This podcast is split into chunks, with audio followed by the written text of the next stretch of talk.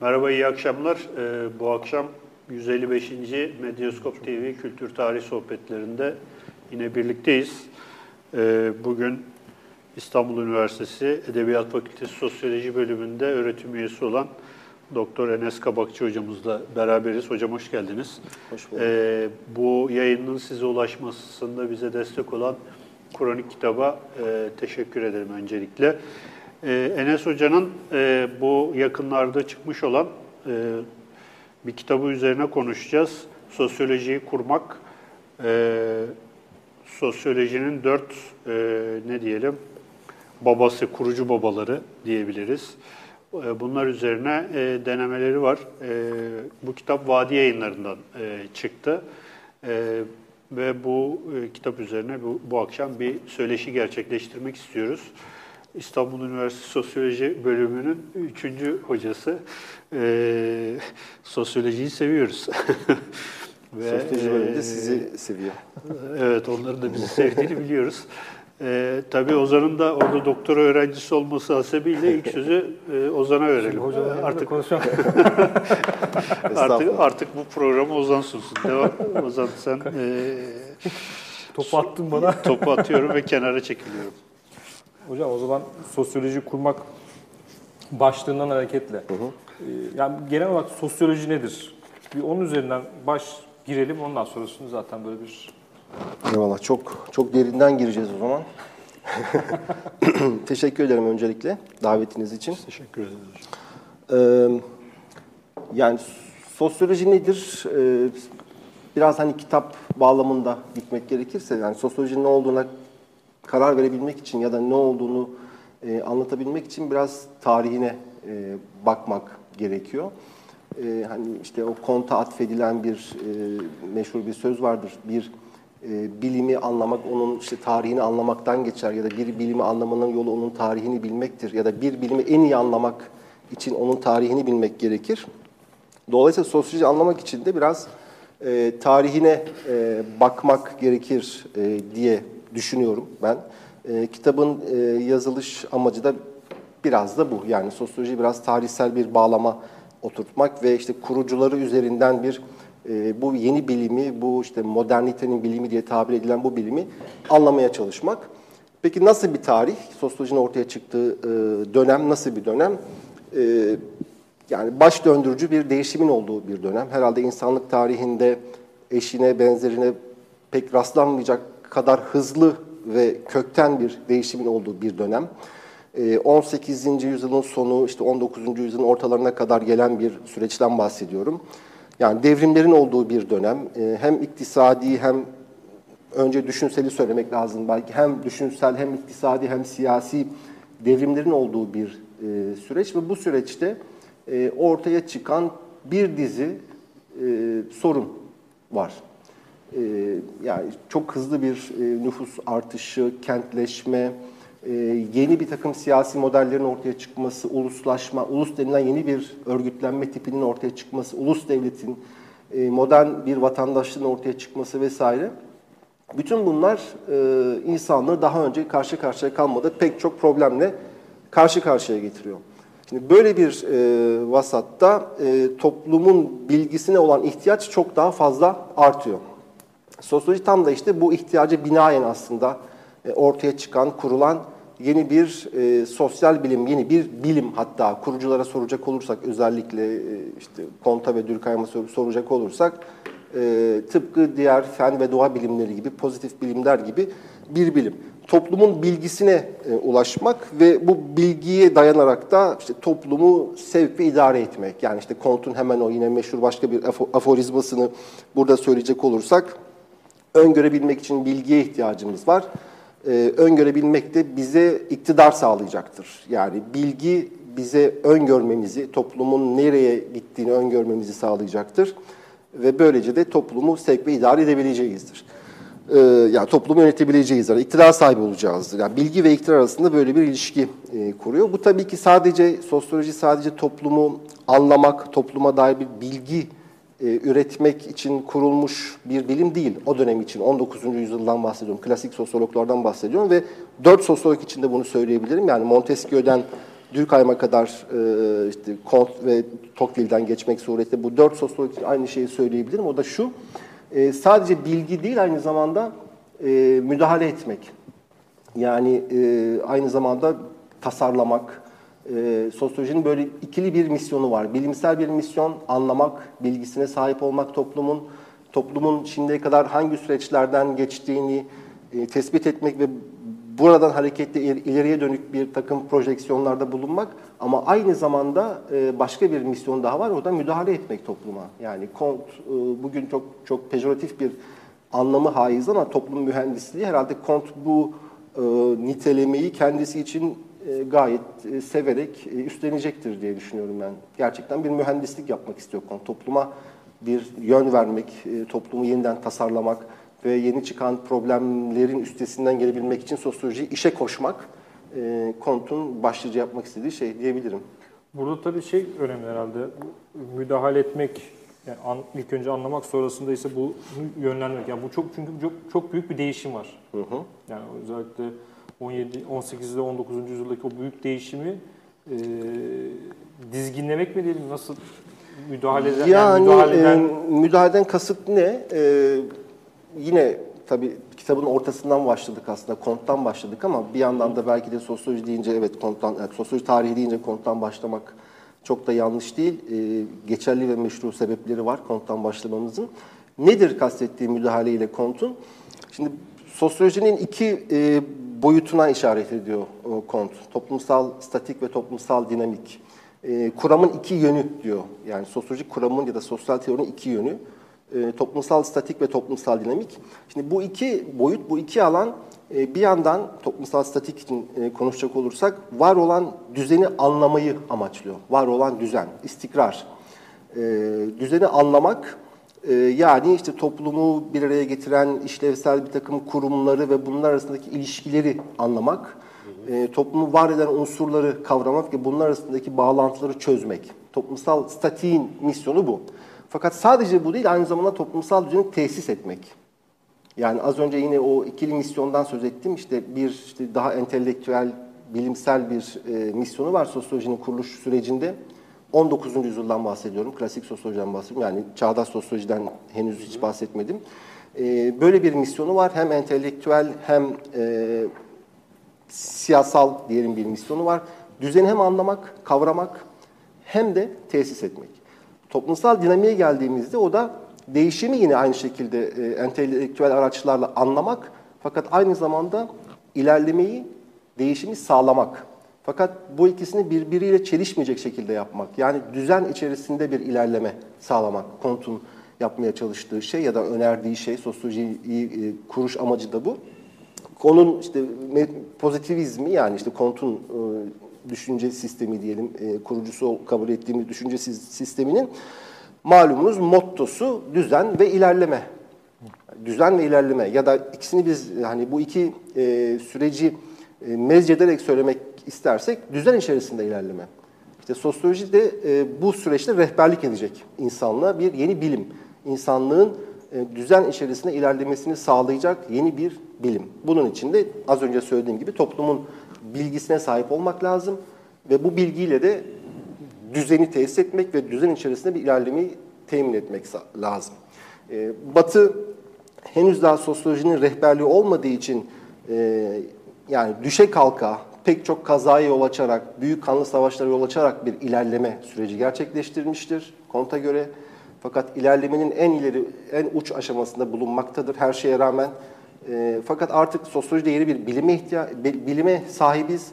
Dolayısıyla yeni batı dışı e, toplumlar bu ilerleme sürecini, sosyolojinin rehberliğini şayet kabul ederlerse e, herhangi bir kazaya e, uğramadan, işte kafasını gözünü yarmadan, savaşlara e, meydan vermeden e, pozitif yani bilimsel e, ilerlemeye, tarihin işte e, e, ne diyelim işte olgunlaştığı o sürece e, varabileceklerdir. Yeter ki sosyolojinin e, rehberliğini kabul etsinler. O zaman hocam burada şey de çıkıyor herhalde. Söylediğinizden bu e, yani şeyi anlamında medeniyet, civilization, e, işte uygarlık götürme e, anlamında uygarlıkla sosyoloji arasında doğrudan bir bir paralellik de var. Şu açıdan söylüyorum. İşte e, 19. yüzyılda e, Batı dışı toplumlara sosyoloji daha doğrusu e, Batı dışı toplumlara e, medeniyet götürme işte meşalesini götürme şeyi vardı, fikri vardı. Şeyde de mesela e, Comte'da da öyle bir işte hem bir şey dini, e, İnsanlık dini. insanlık dini işte hem şey e, hani bir, e, first world içinde, birinci dünya içinde böyle bir oluşumu yapıyorlar. Bir de geri kalan için böyle bir oluşum yapıyorlar. Yani sosyolojinin böyle bir e, yakın teması var mı bu medeniyet yani medeniyet derken şey uygarlık da burada medeniyet uygarlığı ayırıyorum. Uygarlık fikriyle sosyoloji arasında. Ee, var evet yani işte Batı'nın ulaşmış olduğu bir uygarlık seviyesi var. Ee, bunu her dört e, sosyolog kurucu sosyolog kabul ediyor ya da ileri sürüyor. Ee, ve işte yine Comte'dan biraz e, takılıp kaldık ama bence hiçbir mahsuru yok. E, e, Comte o, o noktaya yani işte Batı'nın içinde bulunmuş olduğu o 19. yüzyılın ortalarına gelmeden önceki o noktaya e, bir şekilde Batı'nın e, dediğim gibi pek çok e, işte savaşlar yaşamak suretiyle geldiğini e, fakat o, uygarlık e, seviyesinin henüz daha tam olarak da tamamlanmadığını da e, ifade ediyor Kont. Yani Kont e, tüm o işte çok meşhur e, klasik sosyoloji pek çok klişeyle e. Pek çok klişe vardır. E, biraz da bu kla, klasikleri okumak ya da yeniden okumak bu klişelerin üstesinden e, gelmemizi ya da onları aşmamızı e, da sağlayacak. Şimdi Kont'a atfedilen e, bir şey vardır, bir e, bir düşünce vardır. İşte Batı artık mükemmel tarihin sonuna ulaşmıştır. Hayır, Kont böyle düşünmez. Yani Kont üç halden bahseder. İnsanlığın e, geçmek durumunda olduğu, her toplum, toplumun geçmek durumunda olduğu üç halden, üç evreden bahseder. Batı bu evrelerin en sonuncusuna yani bilimsel, pozitif evreye yaklaşmak üzeredir, eşiğindedir. Fakat henüz pozitif evre e, ya da işte pozitif hal, bilimsel hal Batı için daha e, dahi henüz tam olarak e, söz konusu değildir. Neden? E, çünkü henüz toplumun kont e, önceki hallerin unsurlarından tamamen arındırılmış olduğunu düşünmüyor. Yani hala diyor bu çağda yani 19. yüzyılın işte ilk yarısında e, hala teolojik evreden, e, metafizik evreden bir takım unsurlar var bu toplumda. Ve bunların arıtılması gerekiyor. Evet, uygarlık e, merdiveninde biz en üst başa, basamaktayız belki ama hala arıtmamız gereken, toplum arındırmamız gereken bir takım kalıntılar var. Teolojik yani dinsel ve metafizik e, kalıntılar var. İşte bunları arındırmak için de yine sosyolojiye ihtiyaç var. Kont için. Ve hatta sosyolojiyi biliyorsunuz daha sonra e, ya da pozitif felsefeyi Kont daha sonra dinsel bir kalıba dökecek. Çünkü insan insanın insan e, olması hasebiyle, doğası itibariyle bir inanma, kendinden işte üstün bir e, varlığa sığınma ihtiyacı da vardır ve bunun da giderilmesi gerekiyor Comte'a göre. Fakat bunun giderilmesi de çağın gereklerine uygun bir şekilde olmalı. Yani konvansiyonel işte eski bir takım inanç sistemleri artık bu ihtiyacı karşılamaktan uzak. Yani köprünün altından çokça sular akmış, aydınlanma yaşanmış, işte, e, yani işte daha Rönesans, Reform, aydınlanma, Fransız devrimi. Dolayısıyla o klasik e, dinler, tek tanrılı büyük dinler artık e, vazifelerini yerine getirmiş ve tarihin çöplüğüne atılması gereken inanç sistemleri. Yeni bir inanç sistemine ihtiyaç var. İnsanlık dinini bu bu yüzden kont, e, kuruyor. Yani o ihtiyacı karşılamak için de e, aynı zamanda bir e, din ihdas etmeye yöneliyor. E, bu, bu aşama e, ya e, hani Batı'nın 19. yüzyılın ortasında varmış olduğu o aşamaya diğer toplumların da varması yani uygarlaşma e, basamaklarının çıkması gerekiyor. Dolayısıyla sosyolojide uygarlaşma arasında bir, bir ilişki var. Fakat bunu burada benim konu ettiğim dört e, isim kısmen farklı değerlendiriyor. Mesela Comte bu noktada çok daha tırnak içerisinde diyelim e, hümanist yani hümanizm e, nitelemesini Comte kabul etmeyecektir ama ben anlatım kolaylığı açısından e, kullanıyorum. Daha insancıl. Yani evet uygarlık meşalesi götürülmeli, o insanların da işte batı dışı toplumların da buna ihtiyacı var. Fakat Kont bu süreçte e, kesinlikle e, barışçıl yolların e, kullanılmasından yana e, hiçbir surette şiddet e, kullanılmaması gerektiğini düşünüyor. E, bu anlamda da işte sömürgecilik e, konusunda da son derece kategorik bir e, karşı çıkış söz konusu Kont'ta. Yani sömürgeciliğin her türüne e, kolonyalizmin her türüne e, karşı. E, Hatta işte sömürgeciliği e, Batı'nın e, modern köleliği olarak yani modern bir tür kölelik olarak değerlendiriyor sömürgeciliği ve Batı'nın özellikle Cezayir'de e, o, o dönemde e, büyük bir işte insanlık suçu işlediğini, modern bir kölelik suçu işlediğini ifade ediyor. Hatta Cezayirlilerin işte milliyetçi e, direnişlerini desteklediğini ve tüm pozitivistler adına e, Cezayirlilerin, işte Arapların, e, Fransızları, şayet Fransızlar e, haysiyetli bir şekilde o topraklardan ayrılmazlarsa, oraları terk etmezlerse, Arapların bir gün kendilerini kovmasını, e, Fransızları kovmasını dilediğini tüm pozitivistler adına ifade ediyor. Dolayısıyla evet bir uygarlığa doğru bir e, e, taşıma, onları iletme durumu kont için e, kaçınılmaz bir gereklilik. Fakat bu hiçbir şey, hiçbir surette e, hani sömürgecilik e, faaliyetleri altında yapılmaması gereken bir şey. Hocam burada e, Tocqueville yani- için ise bambaşka bir hikaye. Yani Tocqueville Evet, daha başka bir orada, yerde o da. Cezayir'e gidiyor falan. Evet, Orada, on- o tam tersi şeyde konumda duruyor. Şimdi burada dört isim var. Bu dört isim de Fransız. Evet. Ee, ama e, yani bu modernlik veyahut işte kapitalizmin doğuşu, toplumsal e, dinamiğin hızlanması, o dinamonun hızlanması falan İngiltere'de olan bir şey. Neden e, Fransa'da çıkıyor? Yani bu, e, o dönem için e, İngiltere'de çıkmıyor da sosyoloji dediğimiz bilim, toplum bilim. E, neden nedir? evet. Bir de ben buna da bir e- senin söylediğin şeyde bir ek olarak yani bu sorunun devamı olarak e, bu sosyologlar açısından e, mesela Fransa'daki sınıf mücadeleleri nereye oturuyordu? Ya bu sınıflar meselesine nasıl bakıyorlardı? Çünkü işte, muhtemelen zaten sorunun kendisine vereceğiniz cevapta işte bu sınıf mücadelelerinin yoğunluğu, kristalize olması vesaire gibi şeyler var burada. Ee, mesela bu e, meselelere bu insanlar nasıl bakmışlar? Hani toplum mühendisliği diyorsunuz ya, yani toplumu sevk ve idare etmek. Ee, Yönetmek, bütün- yönlendirmek, idare etmek. Evet. Evet, yani bu- e, işte Paris Komünü, işte 1789 devrimi, daha sonra 1848 vesaire bir sürü hadise var. Tabii bunlar hepsi birbiriyle bağlantılı şeyler. Ee, bu bütün bu kurucu babaların e, bu e, sınıf Fransa'daki bu sınıf mücadeleleriyle olan ilişkileri acaba nasıldı? Yani bu sosyolojiyi sonradan gelen sosyolojiyi nasıl etkiledi? Evet yani bunların her birisi için e, üçer beşer saat konuşmak konuşmamız gerekiyor. Evet. İki, iki, iki soru içinde. Yani önce neden e, dört Fransız var e, burada ve e, neden İngiltere'de değil de Fransa'da ortaya çıkmış bir bilim dalı bu? E, şimdi hani İngiltere'de hiçbir şey yoktu ya da Almanya'da sosyolojide hiçbir şey yoktu tabii ki diyemeyiz. Yani işte Spencer var İngiltere'de, işte e, Almanya'da tabii ki işte Marx var, e, Dönüz var, hemen sonrasında Weber var.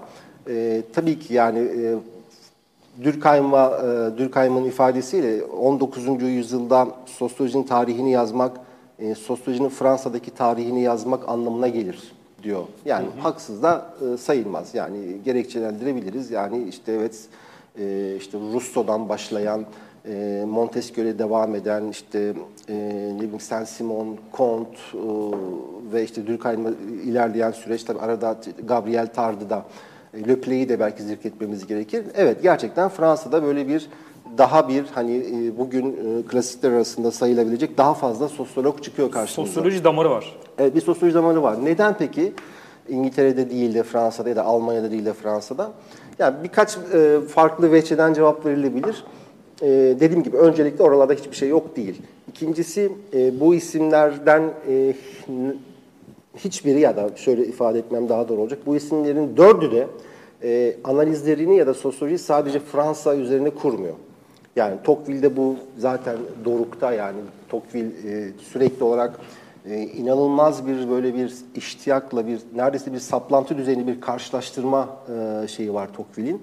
E, eğilimi var. Dolayısıyla Fransa'yı sürekli olarak e, Amerika Birleşik Devletleri ile İngiltere ile hatta Almanya ile karşılaşıyor. Dolayısıyla hepsinin de aslında e, gözünün önünde yani analizlerini yaparken kuramlarını ve kavramlarını geliştirirken bütün bir batı var. Evet. Batı ifadesini e, kullandıklarının da altını çizeyim. Özellikle Kont bunu özellikle altını çizerek belirtiyor. Ben Avrupa demiyorum, Batı diyorum çünkü Avrupa e, e, ne bileyim mesela işte Amerika Birleşik Devletleri dışarıda bırakan bir kavram, daha coğrafi bir kavram. Dolayısıyla pozitivistler ya da işte Kont ve takipçileri Avrupa yerine Batı'yı, e, Batı ifadesini kullanmayı tercih ediyorlar. Daha kuşatıcı olması hasebiyle.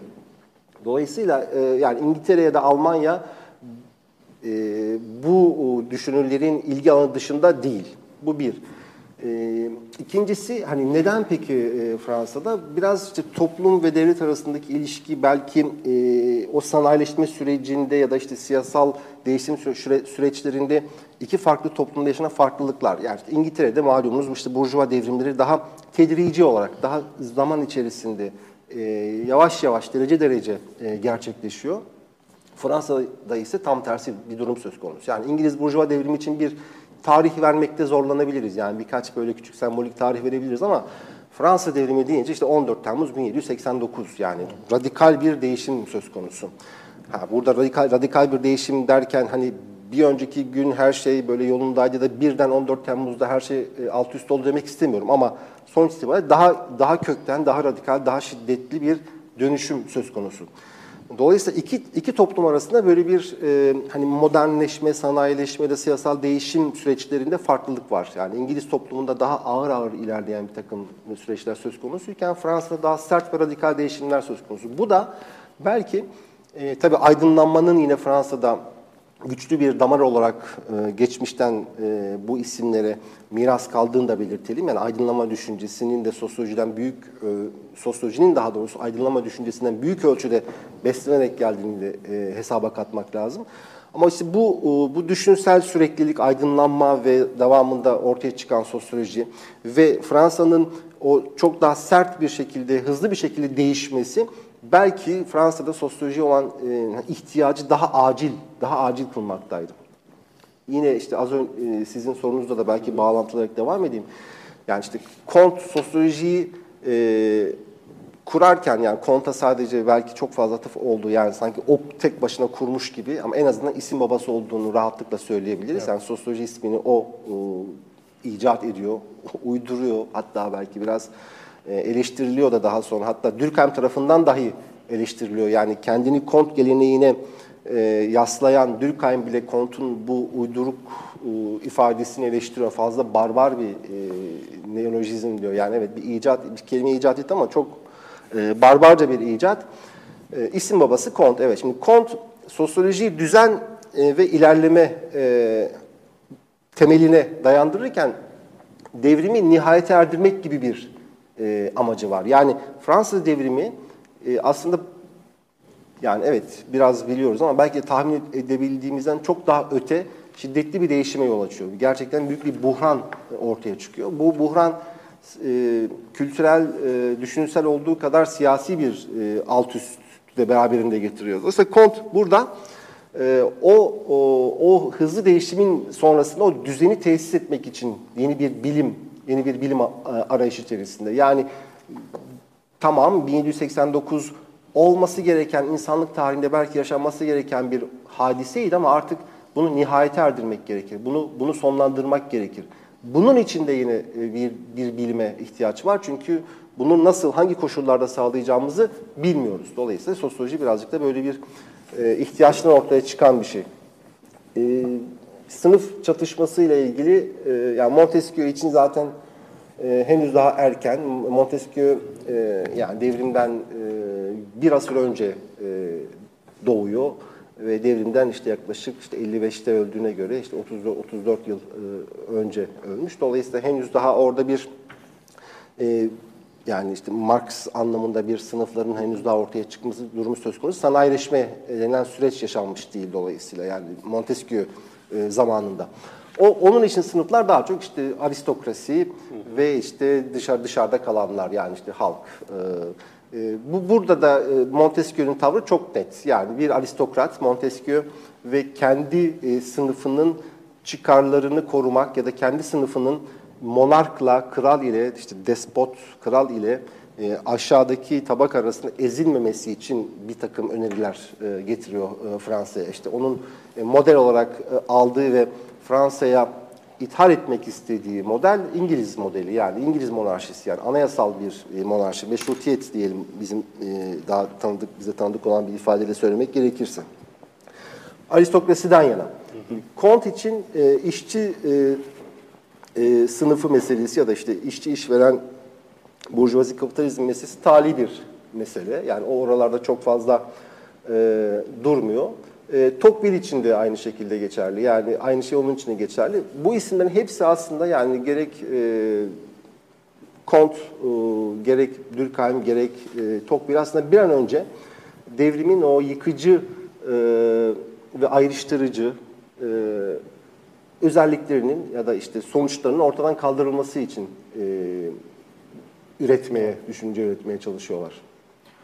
Burada e, yine bu dört isim üzerinden gidiyorum. Hani tek tek tek tek daha sonra konuşacağız. Onu onun şeyini verelim, haberini verelim de ilk başta. Yani Montesquieu'nun kanunlar ruhu, kanunların ruhu, Tocqueville'in e, Amerika'da Demokrasi adlı çalışmaları ve Comte belki devam ederiz ama bunları müstakil olarak konuşacağız e, hocam sizde ama burada yine iki, dört isimden gidersek burada Montesquieu ve Tocqueville ile e, Comte ve Dur Durkheim'da böyle bir şey var. Bir çizgi çizebiliriz. Hı hı.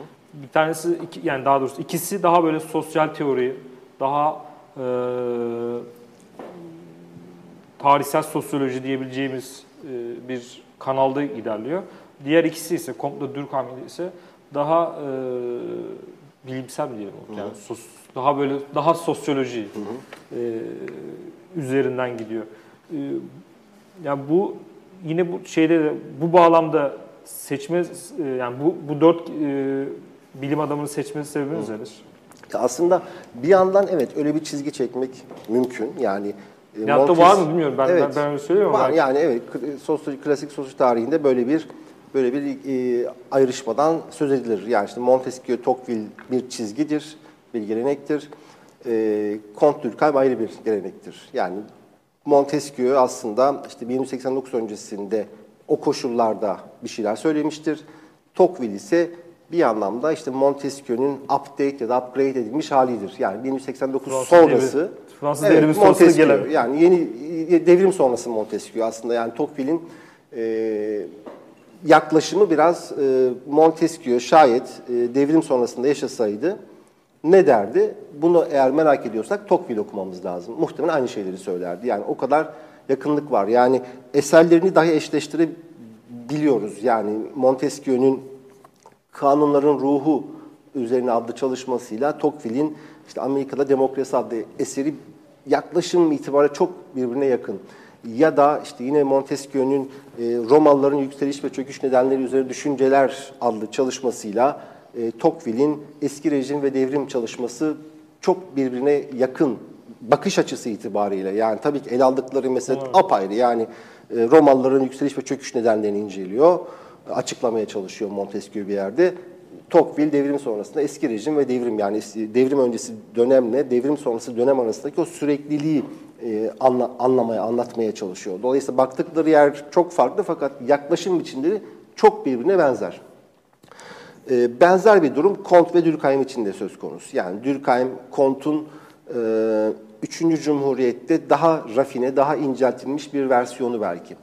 Yani tamamen temellük etmiyor, Kont'un tüm düşüncelerini tamamen almıyor ama büyük ölçüde onları birazcık daha incelterek tekrar e, tedavüle sürüyor diyelim. Böyle bir ayrışma yapmak mümkün. Fakat bir yandan ortaklaştıkları pek çok nokta da var. Yani az önce o klişeler meselesinden e, bahsettim yani klasik sosyoloji tarihi yazımlarında bir takım klişeler vardır ve bunlarla e, düşünmek yani evet pedagojik olarak bir anlamı olabilir. Yani şey yapıyoruz çünkü tasnif ediyoruz işte Montesquieu Tocqueville çizgisi, evet. Comte Durkheim çizgisi diyoruz.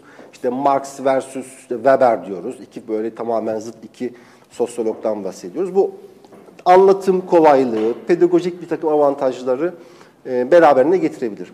Ama biraz daha yakından bakmak istediğimizde aslında bu dört isim arasında ciddi bir e, benzerliğin, ortak noktaların olduğunu da görüyoruz. Bir kere hepsinin e, açık bir şekilde refere ettiği, e, kendilerini refere ettikleri isim Montesquieu.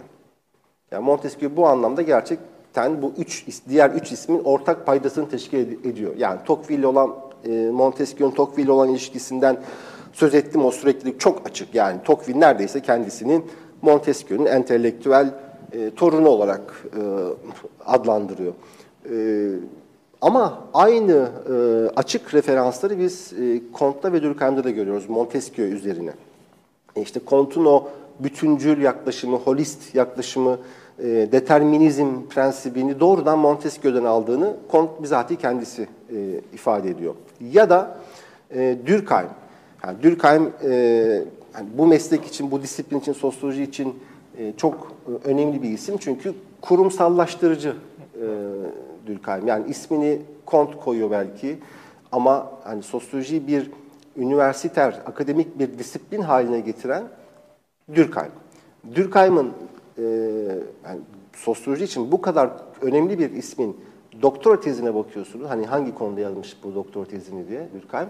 İki doktora tezi var. Bir Latince o dönemin geleneği itibariyle bir Latince tezi var. Bir de işte Fransızca. Fransızca tezi toplumsal iş bölümü. 10 yıllık bir süreçte yazmış olduğu metin. E, Latince tezi ise Montesquieu üzerine. Yani Montesquieu'nun e, işte sosyal bilimin teşekkürüne katkıları e, ya da katkısı e, başlıklı bir metin. Dolayısıyla Durkheim'ın da Montesquieu'ya olan borcu çok fazla. O yüzden yani evet bir farklılık var fakat ortak pek çok nokta da var. Atıflar da var.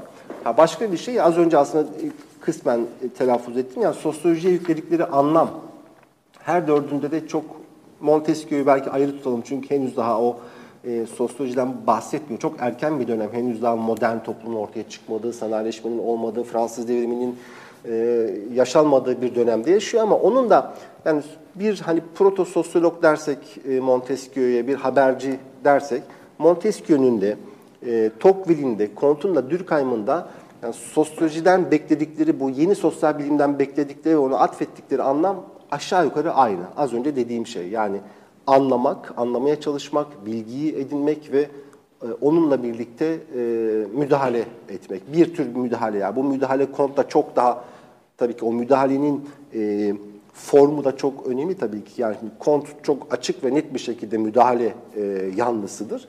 Yani Durkheim daha bunu daha e, üsluba e, dikkat ederek daha ince bir şekilde yapar. Tocqueville de aynı şekilde. Yani Tocqueville'in de e, bir yandan işte çok böyle devleti küçült... Tocqueville yani malum liberalizmin hala en önemli referanslarından birisidir e, Tocqueville ve hani liberal siyasetin, liberal toplum teorisinin e, öncü isimlerinden birisidir. Hala temel bir e, referanstır. Tocqueville e, mesela devleti olabildiğince küçültmeye bir yandan çalışır. Fakat aslında yapmaya çalıştığı şey çok e, ince bir şekilde devleti daha da güçlü kılmak, daha da efektif kılmak. E, yani son tahlilde ya da son kertede Tocqueville okuduğumuz zaman aslında onun özlem duyduğu devletin evet biraz daha e, küçük gibi görünen ama bir o kadar da efektif, bir o kadar da etkili ve güçlü bir devlet olduğu. Büyük, büyük bir çelişki gibi duruyor. Bu yüzden liberalizm yani babası büyük, olmuş olabilir. büyük yani devlet büyük büyüdükçe işte azmanlaştıkça her alana müdahale etmeye çalıştıkça e, gücünün kısıtlanacağından e, bahsederek daha küçük fakat daha e, efektif bir güçlü bir devlet. E, Ama e, şey ilginç mesela e, Montesquieu'nun bir de tabii orada bir şey arayış şeyi de var. Damarı da var mesela. O da ilginç geldi. Montesquieu e, İngiltere'ye monarşisini öneriyor. Evet. Ya bir de o, o bağlamda da bakmak lazım. Ta, takvil ise işte şey Amerika'ya Amerika, evet, Amerika evet. tamamen gidiyor. Kesinlikle. Dedim yani 1789 sonrası e, Montesquieu versiyonu e, Tocqueville. Yani İngiltere Montesquieu için ne ifade ediyorsa e, Amerika Birleşik Devletleri de Tocqueville için aynı şeyi ifade ediyor. E, ikisi de aristokrat. Oradan başlayalım. Evet. Yani Montesquieu aristokrat. Tocqueville aristokratik bir kökeni var. Tabii 789 sonrasında Kalmış. artık öyle bir şey yok ama hani köken olarak aristokrat ve çok da çekmiş bir hani 1789'dan çok çekmiş bir ailenin e, ferdi. İşte anne ve babası hapis ediliyor ve idamla yargılanıyor giyotin sehpasından son anda e, paçayı kurtarıyorlar. Dolayısıyla o travma Tocqueville için hiçbir zaman atlatılabilmiş bir travma değil. Yani o aile hafızası çok canlı. Ee, İngiltere neyse Montesquieu için, Tocqueville için de Amerika o dedim. Her ikisinin de seyahatleri var. Yani Montesquieu e, İngiltere'de e, kalıyor bir buçuk yıl kadar. E, Tocqueville bir hükümet göreviyle, e, İçişleri Bakanlığı'nın göreviyle, görevlendirmesiyle e, Amerika Birleşik Devletleri'nde kalıyor. E, 1831-32 yıllarında. Yani ikisi de aslında sahada, ikisi de e, o farklı ülkeleri, o İngiltere ve Amerika'yı görmüş, yaşamış, tecrübe etmiş isimler. İkisinde de çok ciddi bir, yani bugün çağdaş anlamda bir saha değil ama bir tür e, Ampirik güçlü yapıyor. bir saha var. Güçlü bir ampirik e, boyutu var. Özellikle Tocqueville'de. Bir de hocam şu da dikkatimi çekti. Ee, bu seyahatler sırasında özellikle yani o şeyde de bahsediyorsunuz. Ee, entelektüel biyografilerine de bahsediyorsunuz. Ee, çok sık yani seyahatlerin dışında e, bir entelektüel ağ da var. Mesela John Stuart Mill'le Tocqueville'in bir şeyliği var, e, dostluğu var, Montesquieu keza öyle sürekli bir hatta Tocqueville şeyle bir İngilizle evli. Yani o e, şey de canlı aslında. Evet. entelektüel ağ var ve o da çok canlı. Aynı anda mesela hem Fransızca hem de İngilizce yayınlanıyor. Evet. Şey, Eski rejim en- ve devrim. rejim. Evet, eski rejim ve devrim e, hem e, İngilizce hem Fransızca yayınlanıyor. Paris'te, Londra'da ve New York'ta aynı anda yani aynı yıl yayınlanıyor. Dolayısıyla Tocqueville'in dolaşımı e, oldukça e, güçlü. Yani e, Mill dediniz mesela, John Stuart Mill hem Tocqueville'e çok yakın arkadaş yani İngiltere'ye gittiği zaman Tocqueville e, Mill tarafından misafir ediliyor. Mill aynı zamanda Comte'un derslerini takip ediyor. Bir pozitivist, daha sonra yollarını ayırıyor. Comte işte entelektüel pozitivizmden dinsel pozitivizme kaymaya e, başladığında Mill diyor ki yani ben entelektüelde evet varım ama hani bu din meselesi e, ne girecekseniz ben yokum deyip e, çekiliyor. Ama Comte'u da e, biliyor. E, Tocqueville'in de yine Anglo-Sakson dünyada e, yaygınlaşmasında ya da tanınmasında, meşhur olmasından Mill'in çok önemli bir e, rolü var. Comte hayattayken hem e, kendi ülkesinde hem e, Manş'ın diğer yakasında hem Atlantik'in diğer yakasında tanınıyor. Yani entelektüel e, camialar tarafından tanınan bilinen bir insan. Bir de siyasetçi tabii yani öyle bir öyle bir e, şapkası da var e, malum Tocqueville'in. Uzunca bir dönem kendi bölgesinden yani şatosunun bulunduğu bölgeden milletvekilliği yapıyor. E, ayrıca çok kısa bir süre Dışişleri Bakanlığı da var Tocqueville'in. Yani o açıdan şey de aslında burada şeyden de bahsetmek gerekir herhalde. Bu ağın, entelektüel ağın ne kadar e, gelişkin, ne kadar canlı olduğundan da çünkü Türkiye'de yani işte Saint-Simon diyorsunuz, işte o onun takipçisi, onun takipçisi. Aslında biz hep Fransa veyahut da konuştuğumuz ülke neyse orası üzerinden konuşuyoruz ama onun haricinde de Tabii. ilişkileri var. Kesinlikle var. Yani Mesela ben Türkiye ile o zaman o zaman işte Osmanlısı İstanbul ile belki bağları vardır. Bilmiyorum. Komutun Var. ilişkileri bağlamında söylüyorum. O di- şey yeni din bağlamında Evet, ama o onun üzerine de bayağı e, düşünmek de gerekiyor. Yani Evet, biz hep bugün- böyle bir kalıplar şey evet, içinde yani hani küreselleşme çağındayız. Artık bilgi çok hızlı dolaşıyor. Bugün anında hemen işte dünyanın öbür ucunda e, yay- yayınladığınız bir şey okunuyor falan diyoruz. Bugün evet bugün daha da hızlandı şüphesiz ama e, 19. yüzyılda da e, pek de yavaş değil doğrusunu söylemek Mini gerekirse. küreselleşme. Yani şimdi hani Avrupa Evet. içerisinde zaten biliyoruz. Yani işte Spencer'ı, işte Durkheim okuyor, onu okuyor, birbirlerine yazıyorlar. İşte Tönnies bir şey yazıyor, Durkheim hemen ona bir e, eleştiri yazısı kalemi alıyor vesaire. Birbirlerini takip ediyorlar. Fakat hani İngiltere, Almanya, Fransa tamam e, nispeten daha kolay gibi ge- gelebilir bize. Fakat ilginç olan az önce siz e, hatırlattınız bana. E, yani pozitivistlerin e, hani böyle bestseller olmayan bir kitabı, bir kitapçığı diyelim hatta.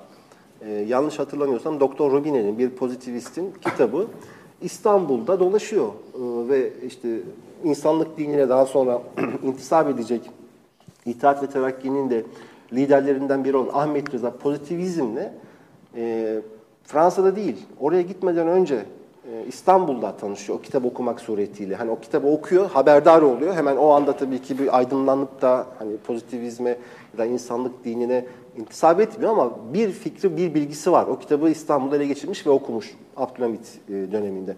Daha sonra gittikten sonra e, Paris'te pozitivistlerle işte tanışıyor, etkileniyor. Onlar buna bir itibar ediyorlar. E, Ahmet Rıza onlardan işte görmüş olduğu itibarla e, onlara bayağı yakın hissediyor kendisini. Comte'un halefi olan Pierre Lafitte e, Pierre Lafitte'i o kadar büyük bir hürmetle anıyor ki Ahmet Rıza işte manevi babası olarak e, gördüğünü ifade ediyor vesaire ama diyeceğim şu aslında Ahmet Rıza'nın pozitivizmle ya da pozitivist literatürle, düşünceyle tanışması Paris'e gitmeden önce daha İstanbul'dayken gerçekleşiyor.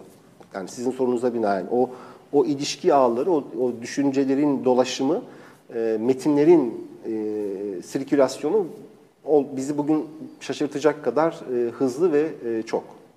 Bizim kanımızın dışında yani normalde çok böyle e, daha yavaş ilerlediğini düşündüğümüz düşünmemize rağmen daha hızlı yani. Evet, evet. Yani öyle öyle olduğunu bana gösteren pek çok örnek var. Bir de tabii şey de var burada e, Fra- Fransızlar işte hem İngilizlerden hem Amerikalılardan yani buradaki iki örnekten bahsediyorum. Tocqueville ve Montesquieu üzerinden konuşuyorum. Ama bir yandan da işte Türkiye'ye baktığımız zaman İstanbul'da da İstanbul'daki entelektüeller işte Fransa'dan şey yapıyorlar falan. Böyle bir şey de var. Hani her kim kimden etkileniyor? Ee, hani biz işte Fransız sosyolojisi ya Fransız düşüncesi diyoruz ama buradaki Fransız düşüncesi gerçekten Fransız mı?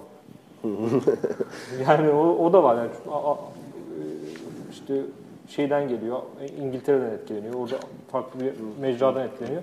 Bu da aslında o e, fikir, yani düşüncelerin mahiyeti Doğru, evet, de evet. e, kazımamızı bir bir durum söz konusu. Yani evet yani işte e, Comte işte Montesquieu'ya atıf yaptığı gibi işte bir başka bir İngiliz Alman e, düşünüre de atıf atıf yapıyor. Çağdaş olan başka bir düşünüre ya da Durkheim.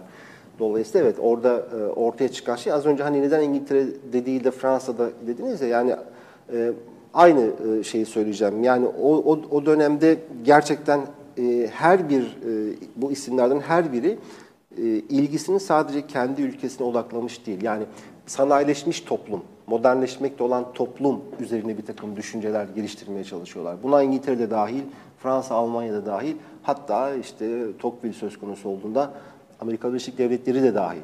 Yani bir modernleşmiş, bir sanayileşmiş toplum analizi yapmaya çalışıyorlar. Bunun için de tabii ki herkes birbirini okuyor, birbirini takip ediyor. Ee, Dolayısıyla evet dediğiniz gibi yani bizim e,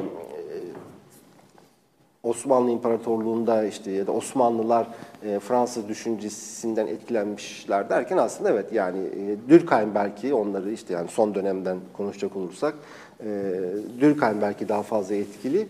E, fakat Durkheim'ı Durkheim yapan aynı zamanda Spencer.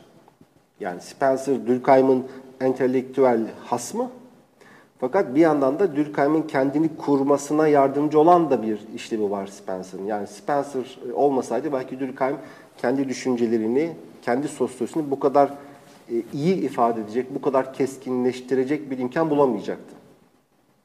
Anlatabiliyor muyum? Ya da aynı şey e, işte Durkheim e, diyoruz ama mesela Tart yani Gabriel Tart yine Durkheim'in entelektüel rakiplerinden birisi. Ama Tart olmasaydı Durkheim olmayacaktı. Çünkü Tard'ı çok yoğun bir şekilde kullanmak suretiyle kendini inşa ediyor o Durkheim. Dolayısıyla Durkheim'in içerisinde bir parça e, tersinden de olsa Tart var, bir parça tersinden de olsa e, Spencer var, bir parça Tönnies var. diyalektik işte gittiği Evet, için. evet. Abi sen soracak mısın? Ben şey yapmayayım da. Belki soracaksan. Ee, yok ben bu, bu programı sana e, pasladım. Ben sorayım da sonradan yok, konuşturma da olmasın. de- devam et. konuşturmadınız evet. Sadece Sonra- ben şunu e, şuna bir e- ek yapmak istiyorum. Şimdi e, bu etkileşimler hikayesinde yani Marksizmin genel şeyi üç ana kaynaktan beslenir. Bir Alman felsefesi, İngiliz ekonomi politiği ve Evet. Fransız sınıf mücadeleleri. Yani Marx'ın, Engels'in bütün külliyatı bunun üzerinedir. İşte kapital, e, işte İngiliz ekonomi politiğidir. E, e, felsefe işte e, Feuerbach ve Hegel e, hikayesinde ve e, işte o meşhur Louis Bonaparte'ın 18 bürümlerinden başlayarak işte sınıf mücadeleleri vesaire. Aslında yani bu e, bu sentez işte sizin de e, söyle belki yani sizin söylediklerinize destek olmak anlamında şey yapıyorum. E, sesli düşünüyorum yani. E, a- e, 19. yüzyıl e, büyük bir internasyonel zaten o internasyonel de kuruluyor bu arada. büyük bir internasyonel entelektüel ağ yaratıyor. Yani 18. veya 17. yüzyılda da var belki bu ama 19. yüzyıla geldiği zaman bu artık hani basın, işte telgraf, ondan sonra haberleşmenin çoğalması vesaire. Ee, ve burada bir e, e, artık yani e, uluslar üstü yeni bir emperyal e, düzen ortaya çıkıyor ve o, o da sosyal bilimlerde hani karşılığını bir anlamda buluyor diyebiliriz. Yani ben e, sizin söylediklerinizden bunları anladım. Soru sormak anlamında değil. Soru sorma işi Katkı şey burası. korsan tebliği ya. Şeylerden korsan, hocam. korsan, tepkiyi verdim. Bir de tabii hocam şunu da şey yapmak lazım, devam ettirmek lazım. Bu e, girişte söylemiştiniz ya tarihi bilinmedikçe bir, bir bilim tam olarak anlaşılamaz. Bu e, buradaki dört şahsiyetin tarihle arasındaki ilişki nasıl? Ee, soru çetrefilli, e, kircikli. Şimdi Montesquieu ve Tocqueville'in e, fena değil, iyi. E, Comte isterseniz sırayla gidelim. Yani işte Montesquieu'nun e, özellikle Romalılarla ilgili yazmış olduğu metin, e, işte Romalıların yükseliş ve çöküş nedenleri üzerine düşünceler. E, nasıldı? Romalıların azamet ve inhitatları hakkında mülahazat başlığıyla çevriliyor 1919-20'de e, Türkçe'ye. Ee, erken, yani nispeten erken bir dönem. Ee, bu, bu, bu, bu metin aslında tarihsel bir hadisenin, yani Roma İmparatorluğu'nun çöküşünü e, sosyolojimsi bir analizi. Ee, Roma'nın işte çöküşünü daha böyle işte e, bir teorik bir e, bakışla, bir bir nakil, e, bir böyle bir e, hani monografik, e, kronolojik bir hikaye olarak e, değil de daha bir e, e, tarihsel bir e, süreç içerisinde ve teorik bir bakışla anlatmaya çalışıyor. Bir e, tarihsel bir hadisenin sosyolojik bir analizini yapmaya çalışıyor diyebiliriz Montesquieu için. Benzer bir durum Tocqueville için de söz konusu. Eski rejim ve devrimde. O da işte 1789 e, olayının, hadisesinin bir tarihsel bir olayı. E, sosyolojik olarak işte siyaset sosyolojisi bağlamında belki e, ya da tarihsel sosyoloji bağlamında analiz etmeye çalışıyor. Comte'unki e, bambaşka. Yani Comte'un tarihle olan ilişkisi bambaşka. Comte'un çok yukarıdan, çok üstten bir tarih okuması var mı? Var. Ama tarihselleştirmez, evrenselleştirir Comte. Yani o kadar yukarıdan bir tarih okuması yapar ki, okuduğu tarih de bu arada Avrupa tarihidir. E, fakat Comte için e, insan, toplum, tarih tek olduğu için Avrupa tarihine bakmak ona göre e, bütün insanlık tarihini okumakla eş anlamlıdır. E, çünkü Avrupa işte o tarihsel e, basamakları daha hızlı bir şekilde çıkmıştır ve tüm diğer toplumlar da aynı basamaklardan çıkacaktır. Dolayısıyla Avrupa tarihini okumak tüm insanlık tar- Avrupa'nın tarihi daha doğrusu insanlığın genel tarihine ve de tüm toplumların e, tarihine ya da onları bekleyen tarihi teşmin edilebilir. E, Comte'a göre. Durkheim'ın tarihle olan ilişkisi daha da e, karmaşık. E, Durkheim tabii ki kurucu hatta kurumsallaştırıcı birisi olduğu için e, sosyoloji bağımsız, otonom, özerk bir bilim olarak, bir sosyal bilim olarak kurma niyetinde olduğu için ve bütün entelektüel üretimini de neredeyse buraya hasrettiği için e, sosyoloji ile diğer disiplinler arasında sınırlar çizmeye çalışıyor. Dolayısıyla sosyoloji tarihten bağımsızlaştırmaya ça- çalışıyor. Tıpkı psikolojiden ayrıştırmaya çalıştığı gibi. Yani sosyolojiyi e, müstakil bir bilim kılabilmek için tarihle arasına yüksek duvarlar çekiyor. Bir yerde e, bunu yaparken başka bir yerde, yani tarih o kadar gerçekten kuşatıcı ve olmadan sosyolojinin yapılması o kadar imkansız bir şey ki Durkheim de zaman zaman bunun farkına varıp bazı metinlerinde e, tam tersi şeyler de söyleyebiliyor. Yani işte e, yöntemin kurallarında, sosyolojik yöntemin kurallarında işte tarihe daha mesafeliyken e, işte sosyoloji yıllığında, Lanet Sosyolojik'te bir ön sözde e, diyor ki işte sosyolojinin tarihe, tarihin sosyoloji ihtiyacı vardır. E, işte aynı zamanda sosyolog olan tarihçiler lazımdır. Aynı zamanda tarihçi olan sosyologlara ihtiyacımız var. Hatta günün birinde e, bu iki disiplinin bir füzyon, bir birleşme gerçekleştireceğini ben bekliyorum gibi ifadeleri de var. Dolayısıyla o biraz e, bu yeni bilimin ayrı bir, bağımsız bir e, sosyal bilim olarak kurmaya çalışmasından dolayı tarihi de biraz bazen e, şey yapabiliyor, haksızlık edebiliyor ama e, bazı metinlerinde de tarihle e, sosyolojinin aslında e, böyle ayrılmaz iki e, parça olduğunu da ifade ediyor. Evet. Şimdi şimdilik nokta koyalım. Yok virgül koyalım. Nokta olmuyor. Vir- Virgül koyalım. Çünkü e, bunun devamını da devamını yapacağız. Değil mi hocam? Montesquieu ve Um- Umarız. Tok- Evet, Tocqueville üzerine Evet. Ayrı bu müstakil programlar yapacağız. Üzerine, e, kanunların ruhu üzerine. Evet. Değil mi? O kitapları Biraz e, hafifçe kalın ama Ces- cesametli diyelim. cesa, cesametli diyelim. Kalın olmadı. Bunlar arasında şeyi de söyleyeyim yani e, mesela hangisini okumak daha keyiflidir diye e, soracak olursanız bence ilk ikisi yani Montesquieu ve Tocqueville okumak, Comte Durkheim okumaktan çok daha e, Ben de zaten keyifli. ik- ikisi daha böyle e, yani çok uzun zamandan beri kafamda olan bir şeydi. Özellikle kanunların ruhu çok şey. Montesquieu'nun bu, bu kuvvetler ayrılığı meselesi bugün hala bütün dünyanın en önemli meselelerinden bir tanesi. Hala mesela bunu, bunu- konulardan bir tanesi. Hayır, sadece Türkiye'de değil bütün yani Amerika'da da bugün bu tartışılıyor. Yani hani e, bir yandan bakıyorsun 250 sene 300 sene önce yazılmış bir metin işte bir e, siyaset tarzını veya işte bir ulus devlet kuruluşunun temel metinlerinden bir tanesi. Ama bugün hala bunun ku- kur, e, kurgusu, işleyişi, e, ne bileyim yorumu üzerine tartışılabiliyor. Yani bu açıdan hani hakikaten 300, adam bir kitap yazmış, bir sonraki 300 yılı benim şey yapmış yani hani. Tabii şey de var değil mi hocam? Yani bunları bir de siz bu seneki açılış dersinde onun üzerine konuştunuz herhalde. Tekrardan okumak, klasikleri tekrardan bu metinleri. Çünkü e, şey de oluyor, belli bir süre geçtikten sonra o sizin başta söylediğiniz gibi klişeye dönüşmeye başlıyor. Evet. Yani o metinler yani metinler var fakat bizim de onlara ait bir e, Anlayış biçimimiz. anlayış bir şey. Kanılar var, kanı, Kanılar. doksalar var. Ama orada yani tekrardan onunla dönüp o metinleri tekrardan okuyup üzerine konuşmak gerekiyor. Evet. Kendilerini okumak e, gerekiyor.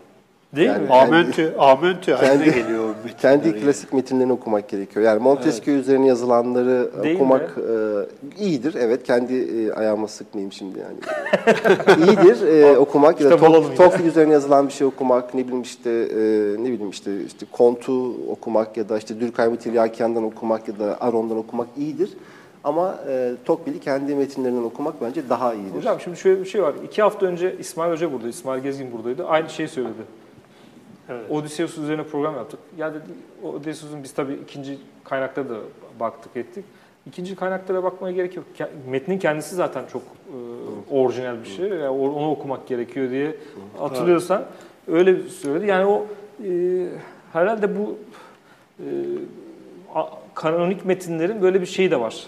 Talihsizlik. Talihsizliği var. Metnin kendisi önemli Evet. fakat bir yerden sonra Herhalde biraz insanlar e, kendilerini yeterli olmadıklarını düşünerek birazcık da böyle korkudan gidemiyorlar yani Comte ya da Durkheim okumaya. Halbuki gidilebilir. Bence bunun yani bir yaşı yok.